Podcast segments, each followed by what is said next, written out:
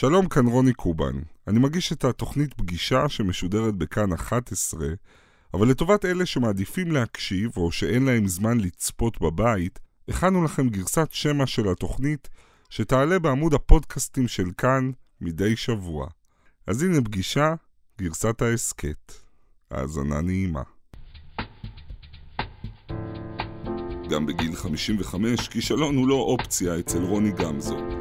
המטאור שצמח משום מקום, מי שכבר כמתמחה הצטרף להנהלת בית החולים שבו עבד, ובגיל 44 התמנה למנכ"ל משרד הבריאות. המנהל הסמכותי של איכילוב שהתעקש לנסות לנהל את הקורונה תחת ממשלה שלא פעם נלחמה בו, עסוק בלסמן את היעדים הבאים. האבהות המאוחרת והסרטן שחלה בו הפכו אותו לחשוף יותר, אבל לא פחות מכוון מטרה. את הריאיון איתו צילמנו לפני ההתפרצות הנוכחית של הקורונה. רוני גמזו הוא האורח שלי הערב. שלום פרופסור. שלום רוני. או, וואו. אה, מה שהכי תופס לי את העין זה רוני מנוק. התמונה הזאת, המדהימה הזאת. ענוק זאת? כן, זאת... הילדה שלך. אה, מוציא ממני את כל ה... וואו, זה זה... לא, הרגת אותי עכשיו. את ההורים שלי לא... בדרך כלל לא הייתי מזמין לטקסי אה, קבלת תואר שלי, ושם, ב-PhD, אבא הגיע, ואז עם כל ה outfit, כולל הכובע, כן, זה מה שבאמת הוא היה צריך. למה לא היית מזמין? כי אני אמרתי, זרמתי, נו, אני רץ מהר, עושה, מתקדם, לומד. עוד מה, אני אשגע אותם עם התארים ועם הלימודים, אני שלב מסוים ככה. טוב, כן. אנחנו נדבר עוד הרבה על אבא ואימא, ועל הבת שלך, ועל הקורונה כמובן, אבל ראיתי השבוע סרטון שבו אתה מקפץ לך לצלילי שיר של הראל סקאט במסיבת סיום הקורונה של איכילוב, כן. אני, יש לי כמה קיפוצים לאחרונה. אבל הדבר הבאמת מעניין בסרטון זה כישרון הריקוד שלך. שמע, אתה מתבזבז שם באיכילוב. קרחנה. עובדים על- תראה, עובדים על זה, אתה יודע, אתה ראית בכל הקורונה את כל הצוותים הרפואיים רוקדים. כן. אז האמת היא, אנחנו לא תמיד עושים רק רפואה, גם רוקדים. עכשיו, אדם שהופיע כל כך הרבה בטלוויזיה יודע מה הולך לקרות עכשיו. אתה נו. יודע. לא, קטע. נתי, תן לנו בסקאט. לא. אז אני יכול קצת. וואי, בבקשה. אני צריך ללמוד את הזה, כן.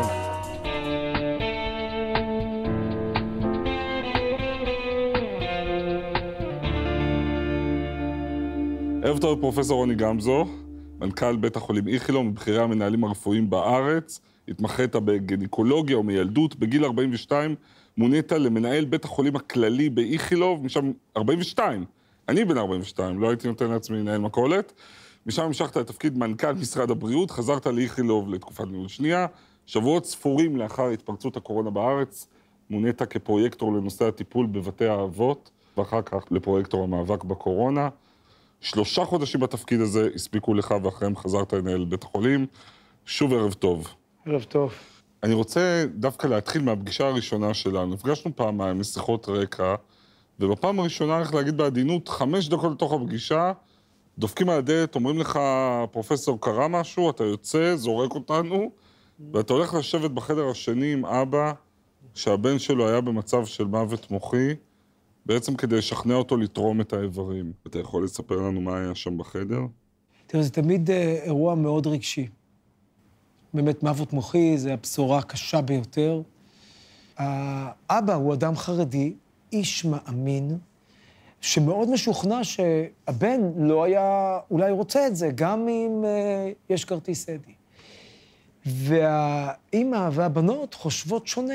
ואתה רואה שאף על פי שאנשים חושבים שונה במשפחה הזאת, יש אהבה. אז כשהסבא אומר, אני מצטער, פרופסור, אני לא אחיה עם עצמי, אם, אני נתרום את רוצה שהוא האיברים." יראה וישמע ויקשיב יחד איתי לנכדות, גם אם אין להם מעמד. כי אני מבין ממנו שזה ישפיע עליו. ואז אתה מכניס את הנכדה. ואז הם נפגשים, והוא הוא מתוך אמונה מלאה שלו, באמת אומר, מסביר עד כמה קשה לו, הוא לא יחיה עם זה בשלום עד יום מותו.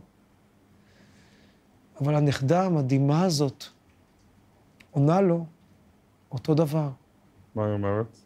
שגם היא לא תסלח לעצמה, לא... כי זה לא. הציווי של אבא. ואז אני מנסה לפתור את זה, ופונה לאבא ואומר, תן לי לקחת את זה על עצמי. תתרחק מעט מההחלטה. אל תתנגד, אני אחליט, אני אעזור לכם. ואז מה הוא עושה?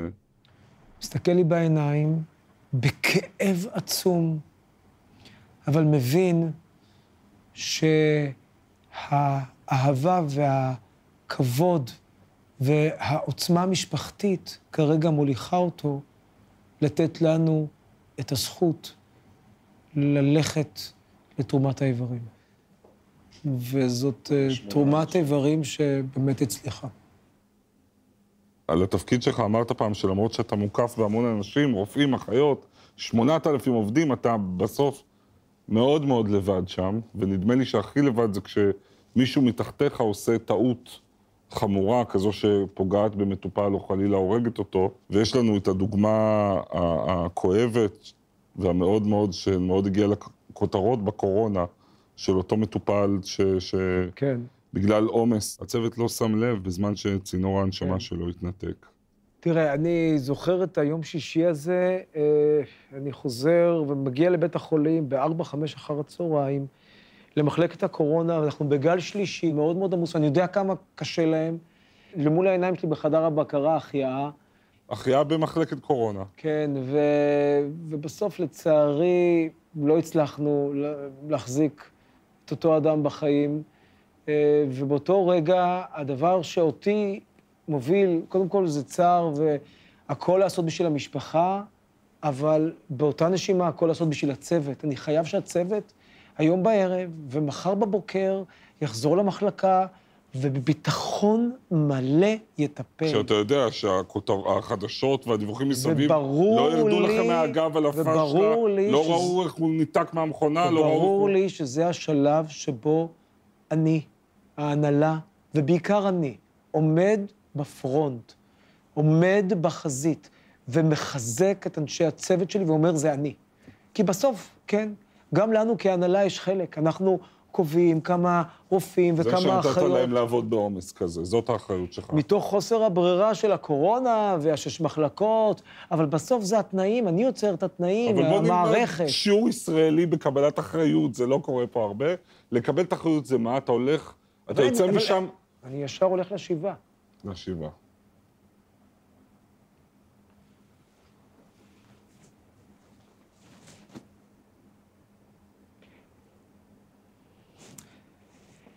ישר הולך לשבעה, ולאחר מכן לאולפן הטלוויזיה, כי אתה מה, למה צריך השתתקת? להבין... מה אתה, קרה? זה, זה קשר רגשי, זה, אתה צריך לה, להבין מה אתה, מה אתה מוליך בתוך האירוע הזה. אתה מוליך אנשים, אנשי לא, צוות שלך, רופאים ואחיות. אני מנסה לדמיין. רופאים ואחיות. רגע, רוני, תן לי להגיע איתך לרגע. אתה...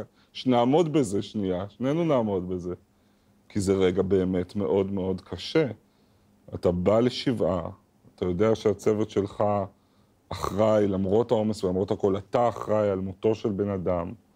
ומה יש להגיד באמת בשבעה כזאת? לנחם, להיות אמיתי ולחבק ולהמשיך ללוות. איך נכנסים בכלל בדלת בסיטואציה כזאת? המשפחה, עם כל המורכבות, רוצה לראות אותי שם. הם, הם, הם כועסים, עולמם חרב, אבל הם רוצים לראות אותי שם.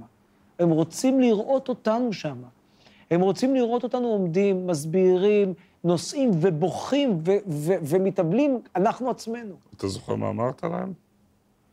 אני בתוך הסערה הזאת לא זוכר בדיוק, לא. אבל אני זוכר ש... שלקחתי את האשמה, חיבקתי ואמרתי שאני אהיה איתם כל הזמן. ועד כמה אתה חושב תוך כדי על התביעה שתהיה או לא תהיה? לא, ממש לא חושב. ממש, ממש לא... אפילו לא שני אחוזים? לא, אפילו לא, לא. אפילו לא. אז אני נזכר בציטוט המרהיב של שר המשפטים לשעבר, אחריות אין פירושה אשמה. אני אתה לא- אני לא ברגע אני- הזה, אתה ברגע הזה מרגיש אשם, אבל אתה מרגיש אחראי ואשם. אני לא יודע להבדיל בין הדברים האלו. אני כל כך בתוך, בתוך האחריות, כל כך בתוך האחריות על המעשה, שאני לא יודע להבדיל בין אחריות לאשמה, ההבדלות האלו בעיניי. טוב, אם כבר החזרת אותנו לקורונה, אני רוצה להשתמש בניסיון שצברת בחודשים האלה כפרויקטור כדי ללמוד על איך המדינה שלנו מתנהלת. וואו, בוא, לא. כן. בוא נסכם רגע. שרדת כפרויקטור שלושה חודשים, שבהם הבטחת שלא יהיה סגר והיה סגר, הבטחת שקיפות ואמון, וברגעים מסוימים הציבור יצא עוד יותר מבולבל. ראש הממשלה שולח אנשים את הדרך נגדך, השר ליצמן קורא להתפטרותך. שר החינוך גלנט מודיע בניגוד מוחלט לדעתך, ובלי שהתקבלה החלטה שהוא פותח את מערכת החינוך בערים אדומות. ציפית שהאנשים האלה, אני מדבר על השרים בממשלה, שמנהיגים את המדינה, שברגע חירום הזה, אתה הרי באת לתפקיד עם ציפייה שהם יעזרו לך כן. לעשות מה שצריך, או שאתה תעזור להם. ציפית שהם ילכו נגדך כל אחד כש, כשזה נוח לו? לא באופן הזה, לא בעוצמה הזו. אבל כשזה קרה, לא אמרתי, אוקיי, נבהלים, אוקיי, אה, אז בוא, אז בוא נוותר על הכול. אבל סיימת את זה... לא, נלחמים על הדברים שאתה מחויב אליהם. בוא נראה רגע, כדי שנרגיש את זה, מה עברת שם קטע מעובדה, מכתבה של שי גל שליווה אותך בתקופה ההיא. רגע באמת אה, מדהים, שבו אתה מבין ששר החינוך גלנט הודיע על דעת עצמו שהוא פותח את מערכת החינוך בערים האדומות. הוא משקר, אין החלטה שכזאתי. הוא משקר גלנט. אין החלטה שכזאתי. אין החלטה שכזאתי. הוא הוציא את זה כדי להראות שהוא גיבור. אין דבר שכזה. אין דבר שכזה, ולא תהיה פתיחת שנת לימודים בערים אדומות. טיפשות שכזאתי. מה, על מה אתה משחק? זה פשוט אגו לפני שכל. זה אגו לפני שכל. מתחילת הדיון הוא חיפש לחפור. הוא מצד אחד, ליצמן מצד שני. אוי, איזה מטורף. ההנחה הזאת אומרת הכל. כן, תפסו אותי כאן ברגע מאוד אינטימי שלי עם עצמי. זאת אומרת, שר החינוך שהוא שקרן. אני לא דברים כאלו לא אומר בפומבי, ולאורך כל הדרך בקורונה אני שמרתי על כבודם של כולם. לא הגבתי, כי הבנתי, הם פוליטיקאים, המצב הזה, במורכבות הזאת שלהם, לא. אבל לי יש... אתה אומר שהשתמשו בי, העיקר שחיים כן, ינצלו. נכון, לי יש אוקיי. אבל חובה. אמרת לא- אנשים לא כל כך מבינים עד כמה אני הייתי, ולא חיפשתי את זה, אין לי את האגו הזה. עד כמה אני הייתי משמעותי אין לך את האגו הזה? אין לי, אין לי את האגו הזה, אה, רוני. אה, אין לי, אוקיי. אין לי את האגו הזה. אני בא לתפקיד הזה, באתי לתפקיד הזה, בשלב מסוים הבנתי עד כמה אני משמעותי לציבור. ואז אתה אומר, רגע, אבל אני, אני, יש לי איזשהו שיח עם הציבור, איך אני אסביר להם את זה? איך אני, למה אתם מעמידים אותי לשם? למה אתם מעמידים את, את השיח שלי, את האמון שלי עם הציבור במבחן הזה? אתם הורסים את מה שרציתם לבנות. שם זה שבר אותי, אני מצטער שנאמרו האמירות האלו. אבל היה רגע עוד יותר גרוע, שבו ישיבת ממשלה שאתה יוצא ממנה ואומר, זה היה מגעיל, אני צריך לקחת חבילה של כדורים נגד בחילה, זה חדר, חסר תקדים, זו אמירה שלא הייתה אמורה להתפרסם, ופה אתה כבר פותח חזית נגד ראש הממשלה. עזוב את האמירה, היא פורסמה. אבל מה קרה, בח... מה, מה קרה שם ש... אני לא, אני, אני לא בטוח שיתר חברי הקבינט לא לקחו גם כן כדורים שכאלו. זה okay. היה אוקיי. לא נוח, לא נעים לכולם שם. כל המורכבויות הללו, שאחד נלחם בשני, והפריטטיות הזאת עם לא, הפריטטיות הזאת, עניין... ועל הכל, שהאזרח הישראלי באמצע, בסגר שני, לפני החגים, ועל כל זה האינטרסים מכאן והאינטרסים מכאן. ההפגנות, זה היה סביב ההפגנות, נכון? סביב ההפגנות מצד אחד, וסביב המלחמה שלהם מהצד השני, ואתה אומר, אוקיי, בתוך הטררם הזה תזכרו שיש ציבור שהולך לסגר. איפה נתניהו הכי אכזב אותך? ראש הממשלה צריך יותר אה, להחליט הוא בעצמו, ופחות אחרים. ופחות אחרים, גם אם יש להם מוקדי כוח.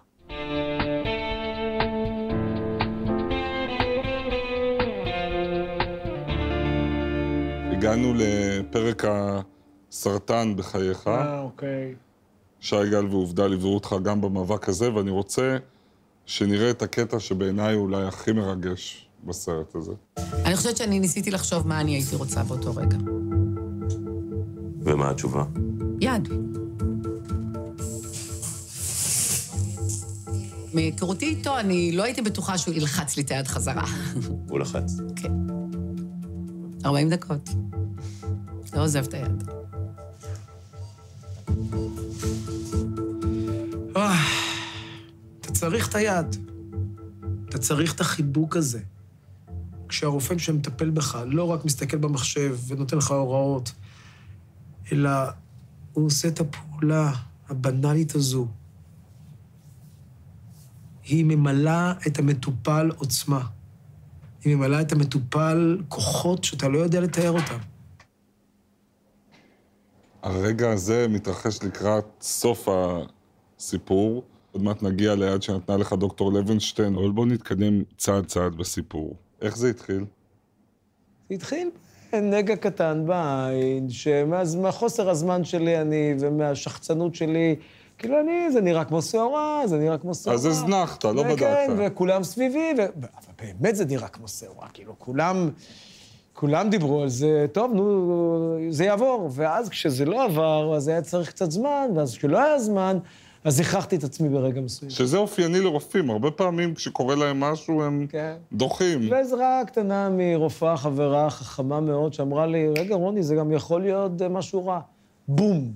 למחרת הייתי איפה שצריך להיות. ואז אתה נבדק, ואז יש תקופת המתנה שלוקח... לא, אני הולך, מסיר את זה, שוכח, זה נראה לי כאילו בנאלי. עד שתופסים אותי באיזשהו מקום בתוך בית החולים, אומרים לי... אז תאר לנו את הרגע הזה, זה רופא עיניים שעובד זה- אצלך. כן, יגאל, יגאל אה, ליבוביץ', ו- יגאל הוא מנהל הרפואת אה, אוקולופלסטיקה שלנו, ואני פוגש אותו ככה ברחבה המרכזית של איכילוב. הוא מתקרב אליי, ואז אני פתאום עושה חיבור, אני אומר לו, יגאל, אתה יודע מה, מה, מה, מה עם התשובה של הדבר הקטנטן הזה? והמבט שלו כזה מרצין, ואני כאילו אומר, וואו, מה קורה פה? הוא אומר, בדיוק על זה רציתי לדבר איתך. אה, התשובה היא גידול, והוא אומר לי את השם של הגידול, וזה בום בראש שלי. זה גידול מאוד נדיר, שהוא גם מאוד סופר, אלים. סופר, סופר נדיר, במיוחד במיקום הזה, מה שאומר שגם הנדיר, מתישהו קורה למישהו. כשאתה מבין שזה סרטן ושהוא אלים, יש חרטה, רחמים עצמיים, אולי חרטה על חיים שלמים של ריצה וסטרס. אה, עובר ויוצא מיד, אה, בעיקר ח... מחשבה על אנשים שיקרים לך. אה, אתה חושב על הכל, גם על הנורא מכל, אתה באמת, הראש שלך מוצף לא, מחשבות. יש לך היה לך אישה וילדה בת שנתיים, הייתה... כן. אז אתה חושב, אה, אוקיי, איך, איך מתמודדים, איך, אה, מה יהיה, אה, ואתה חושב הכל, גם, גם על סוף הדבר.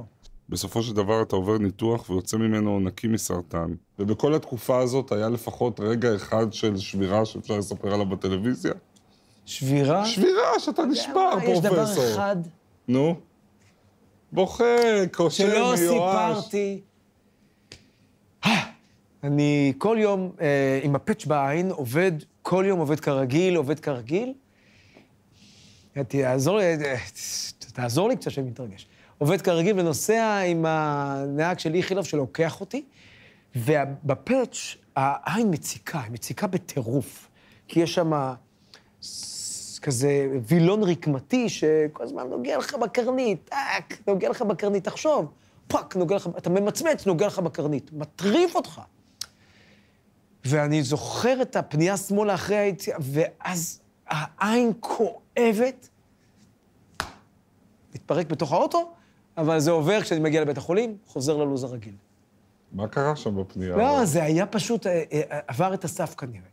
ואני מחזיק פאסון מול, אה, מול קארן, מול המשפחה, מול בית החולים. זה הדרך שאני מנהל את האירוע הזה. אני מנהל אותו, אני מנהל אותו, כולם יודעים שקשה לי, אבל כולם יודעים שאני נושך שפתיים, ויום-יום בעבודה. יום-יום רגע, בעבודה... בסדר, שנייה, הבנתי, זה אני יודע. אבל איך נראית התפרקות? איך נראות אה, שלוש שניות של התפרקות של, של אתה? יודע, וואו, למה, אה, אתה יודע, התפרקות כזאת של גם אמירות אה, רגשיות, ואני זוכר שאמרתי, פוף, רוני, די. טוב, נחזור ליד הזאת של דוקטור לוינשטיין, והיד הזאת שהחזקת חזק 40 דקות, אתה יודע היום לתת אותה לאחרים? מאוד. יד וחיבוק ומבט בעיניים והתקרבות בכל הרמה הרגשית והפיזית אה, לכל מטופל. וגם לעובדים שלי שנמצאים במצוקה. ואתה יודע היום יותר לקבל את היד ואת החיבוק? כן, כשאני צריך. ושם ממש הייתי צריך. קיבלתי.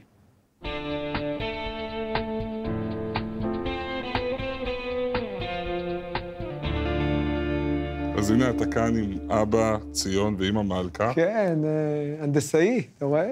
סיום טירונות. והם עולים חדשים יחסית מאיראן, והשם שלהם ושלך זמן רב הוא בכלל גם זול לטובה. כן, ארוך כזה. זה היה השם משפחה? כן, כן, התמודדתי. בתור ילד זה חתיכת דבר. כן, אבל קראו לך בכיתה- בכיתה, רוני, רוני גם זול לטובה כאן? כן, לאט לאט אה, התחלנו במגמה של לקצר את זה לגמזו, זה קרה בכיתה ג'-ד'. כן, עזרו לי. ואבא צורף, אמא עוזרת לו וגם עובדת בגן ילדים. כן. הם עובדים קשה למחייתם, ואתה מעריך או קצת מתבייש? אני קודם כל מעריך את החריצות, אני רואה את העבודה הקשה, אני חי עבודה קשה של משפחה. יש לי לפעמים השוואות שאני עושה, כי אני רואה שההוא עובד באיזה איזה איש קבע בצה"ל, וההוא איזה תפקיד אה, חבר באגד, ואני כאילו מחפש, ונראה לי הדברים היותר טובים. וזה גם מלאכה שעוברת מאבא לבן, כן, נכון? הוא אה, רצה זה שזה... פיקשוש בעיניי. זה פיקשוש שמה? אתה לא, אתה לא ממש אה, גדל לתוך ההבנה של העוצמה של הדבר הזה. זה אומן לכל דבר.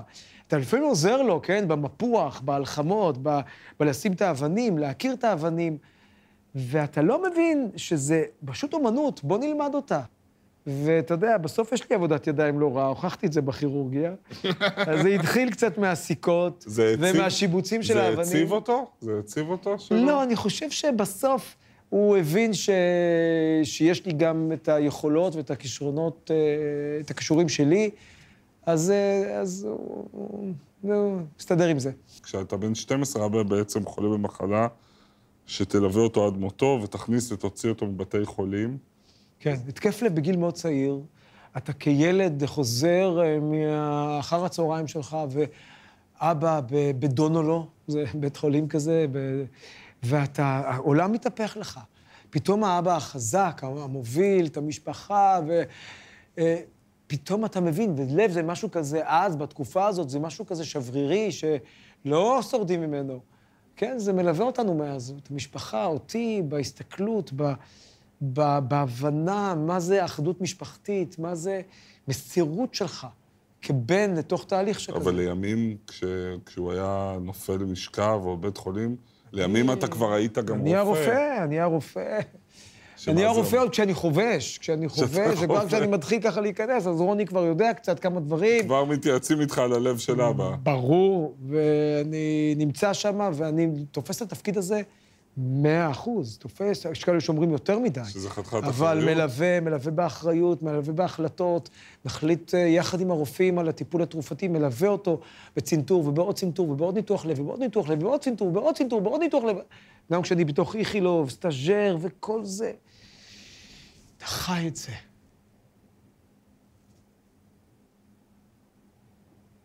אתה מרגיש גם אחריות כלפי המשפחה, אימא, אחים, אחיות. אה, אתה הטלפון הראשון כשאבא כאבים בחזה, מה עושים וכל זה, ואתה יודע לעמוד בזה ולתת לו את הביטחון, כי הוא קודם כל בוטח בי. גם ברופאים, אבל קודם כל ברוני. ובחודש האחרון לחייו אתה כבר מנכ"ל משרד הבריאות. כן. אתה יכול לספר משהו על מה שקרה ביניכם בשבועות האחרונים? אה, הוא כל הזמן אמר, תעזוב, אנחנו, אני מקבל טיפול טוב כאן באיכילוב והכל בסדר, ואני ראיתי במו עיניי את ההידרדרות, וידעתי שזה הולך לכיוון לא טוב. וראיתי איך העוצמות שהיו לו להחזיק את המחלה עשרות שנים, עשרות שנים, מתחילים להידלדל. ואיך אתה מזהה את הרגע הזה, שהוא, שהוא, אתה רואה בעיניים שלו שיש כבר פחות כוח להילחם. וואו. וזה השלב שאתה מדבר עם עצמך על זה. אתה עוד לא משתף את כל המשפחה, אתה יודע כבר, יש שלב מסוים שאתה יודע, טוב, אין לו כבר את הכוחות. מגיל 40, הוא מחזיק את זה. ומה עושים עם זה שרק אתה יודע, שאין לו את הכוחות, שרק אתה מבין? בסדר, אבל אתה יודע ש... אה, לא, בסדר, אתה יודע שזה... לא, אתה מתחמק. רגע, בוא נחזור. בסדר, בסדר, בסדר. מה אתה עושה עם זה? בולע, מחזיק, מחזיק עם עצמי. לא מתחיל עכשיו אה, לעשות שיחות משפחתיות לדבר הזה. אבל אתה יודע, אז עוברים ממחלקה כזאת למחלקה כזאת, ואז מגיעים לטיפול נמרץ, וזה כבר די מתחיל להיות משהו שברור למשפחה. הי- היית איתו גם כשהוא נפטר? ברור. עד הרגעים, ה... עד הרגעים האחרונים אה, נמצא שם ויוצא לקרוא לאחים ולאימא. הספקת להיפרד ממנו? כן, אתה יודע, בשלבים כאלו אנשים לאט-לאט מאבדים אה, את ההכרה, ו... את מה שרצית להגיד לא אמרת? לא תמיד עד הסוף, לא היה לי, על לא היה לי את הדברים כל... שרצית הזה- להתנצל, התנצלת? לא, לא, לא, זה כל הזמן דיברנו אחד עם השני לאורך כל הדבר, כל, לאורך כל התקופה. זאת הייתה תקופה של הידרדרות שראיתי אותה. בקיצור, יש דברים שהיית רוצה להגיד לו ולא אמרת. כן, כל הזמן. מה היית רוצה להגיד לו ולא אמרת? שהייתי צריך ללמוד צורפות.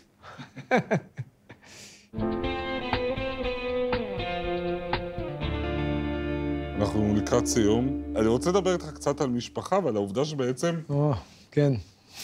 מה, מציקים לך עם זה? לא, רק בגיל 50 הפכת לאבא. רק בגיל 50 הפכתי לאבא. מה רע בגיל 50? אתה בוגר, אתה יודע מה אתה רוצה, אין uh, תקלות, אתה מבוסס. רצית קודם, אבל. רציתי קודם. כן, הרבה קודם. אבל טקסט טוטו טנגו, ואתה צריך לכבד. והזוג שלה נמצא איתה לא מעט שנים, הרבה שנים, והיא גם אה, רוצה את הכיוון שלה, ובהחלט גם אה, לפעמים בא בחשבון גם בלי. הבת שלך, ענוק, היום בת חמש, נולדה בבית החולים שלך, בגלל שאתה רופא מיילד וגם מנהל בית חולים. אני חייב לשאול, גם אתכם העבירו את ההשפלה הזאת, שאתם מגיע זוג נרגש עם צירים, ואומרים לכם, זה מוקדם מדי, לכו בול. תסתובבו? בול. אנחנו מכירים כל עמוד בכיכר המדינה, כל עמוד שם, וזו הייתה הסתובבות ראויה לציון. מה, עם צירים כבר? מתועדת לחלוטין, עם גניקולוג צמוד, מואה, שכל הזמן אומר, רגע, רגע, טוב, זה שלב אה, לטנטי, אני מכיר, יודע, וזה כל רגע יכול לקרות, מה מה קורה עם והיא הצירים? צועקת מכאבים כן. ואומרת, תשתוק כבר! והיה כדור כן. פיזיו גם? לא, אנחנו עמודים של כיכר המדינה. ואיך זה להיות אבא? מדהים. מדהים. אתה. רואה אותה בכלל? אתה מה, לא, לא, לא, לא, אני לא. מוותר, לא, לא. אה, מה? יום-יום היא, תשאל את ההורים בגן, יום-יום אה, אני לוקח אותה מהגן, פעמיים בשבוע מוציא אותה מהגן. זה הכיף, זה הכיף להיות איתם בחוויות שלהם. אני מכיר פרוזן טוב מאוד, פרוזן 1 ופרוזן 2, אני מכיר... פרוזן 2 פחות טוב. אבל אני מכיר את כל הדמויות, נכנס, קורא את הספרים, מתלהב מהם, מדבר איתם, צוחק איתה, לוקח ומחביא על הבובות. יש לי בובות שאני אוהב, יש בובות שאני לא אוהב, היא יודעת שאבא השיר ישים... הכי טוב בפרוזן 1, נו בוא נראה אותך. מה, מה זאת אומרת? Do you want to build a snowman? שיר ענק, ענק, גם אני. כי שם יש את הר- את הרגש הזה. היא באה לראות אותה, היא לא רוצה היא לא לראות רוצה אותה. לפתוח לה, היא לא רוצה זה לפתוח. לה. והן ילדות, ואתה... וזה שיר לוקח, קורע. קורע. מה, בגדול, אני a התחפשתי. לאולף באחד מחגי הפורים. לאולף? כן. זו תמונה שלא תצא לי מהראש. תשמע, זה... לא משנה מה אתה. מנהל בית חולים, גנרל גדול, אה, ראש ממשלה, כל, כל, כל, כל, כל הדברים הללו. לא מוותרים על זה. ותמיד למצוא זמן לזה. רוני גמזו, מה האתגר הבא? שר הבריאות? כן, זה תפקיד שאני תמיד, אף פעם לא הסתרתי, שאני שואף אליו. אה, באמת, אה, אני מכיר את המערכת הזאת כל כך טוב, היא באמת מכל הכיוונים ומכל הרמות. וזו מערכת שדורשת הרבה מאוד מחויבות מוסרית לקבלת החלטות, והרבה מאוד אהבה לציבור בתחום של הבריאות. לקח. אז שיש לי את זה שם. אוקיי, תודה רבה שבאת, היה באמת מרתק, ונתראה בפרוזן 3. תודה, רוני, היה ממש כיף.